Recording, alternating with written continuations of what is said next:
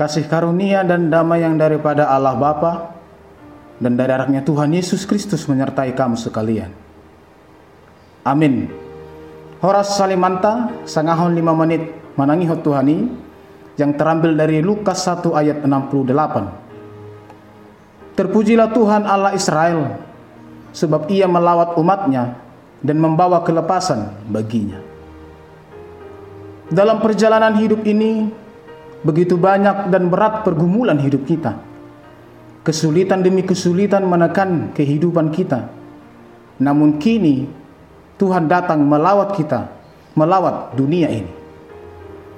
Kedatangan Tuhan, Sang Mesias yang dijanjikan itu, membawa kelepasan bagi umatnya.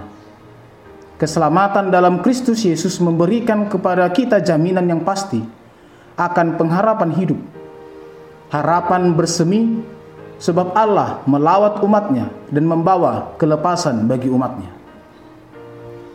Melawat berarti lebih dari sekedar Allah mendatangi atau melihat umat manusia.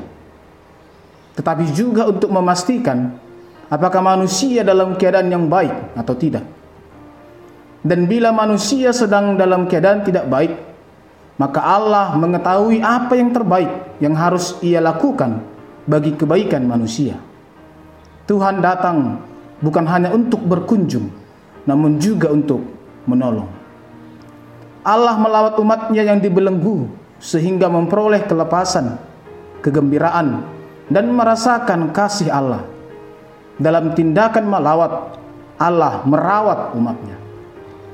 Allah yang kita imani bukanlah Allah yang jauh, Allah yang asing atau Allah yang bersembunyi di tempat tak terjangkau dan tidak kita ketahui sama sekali.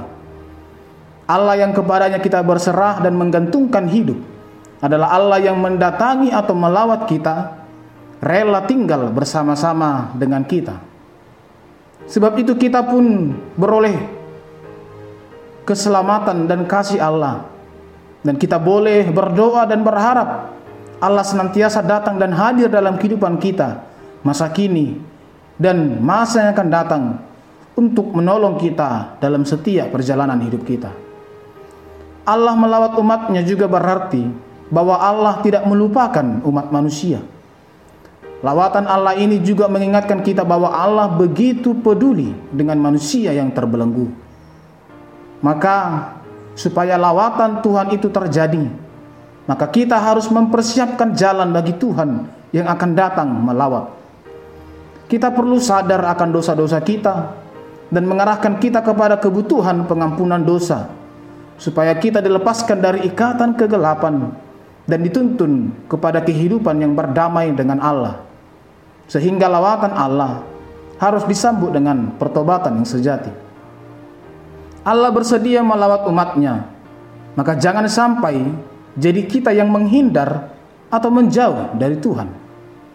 Jika kita rindu akan kelepasan, mari sambut lawatan Tuhan. Kita juga turut merespon lawatan Allah yang setia melawat dan merawat umatnya dengan tindakan kita juga harus saling melawat dan merawat kehidupan persekutuan kita. Maka atas lawatan Tuhan kita sepatutnya lah mengucap syukur dan menaikkan puji-pujian kepada Allah yang telah dan terus melawat manusia. Allah melawat manusia hadir dan ada di tengah-tengah kehidupan kita. Lawatan Tuhan menolong kita untuk menatap masa depan dengan keyakinan dan pengharapan bahwa Allah akan terus menyertai kita.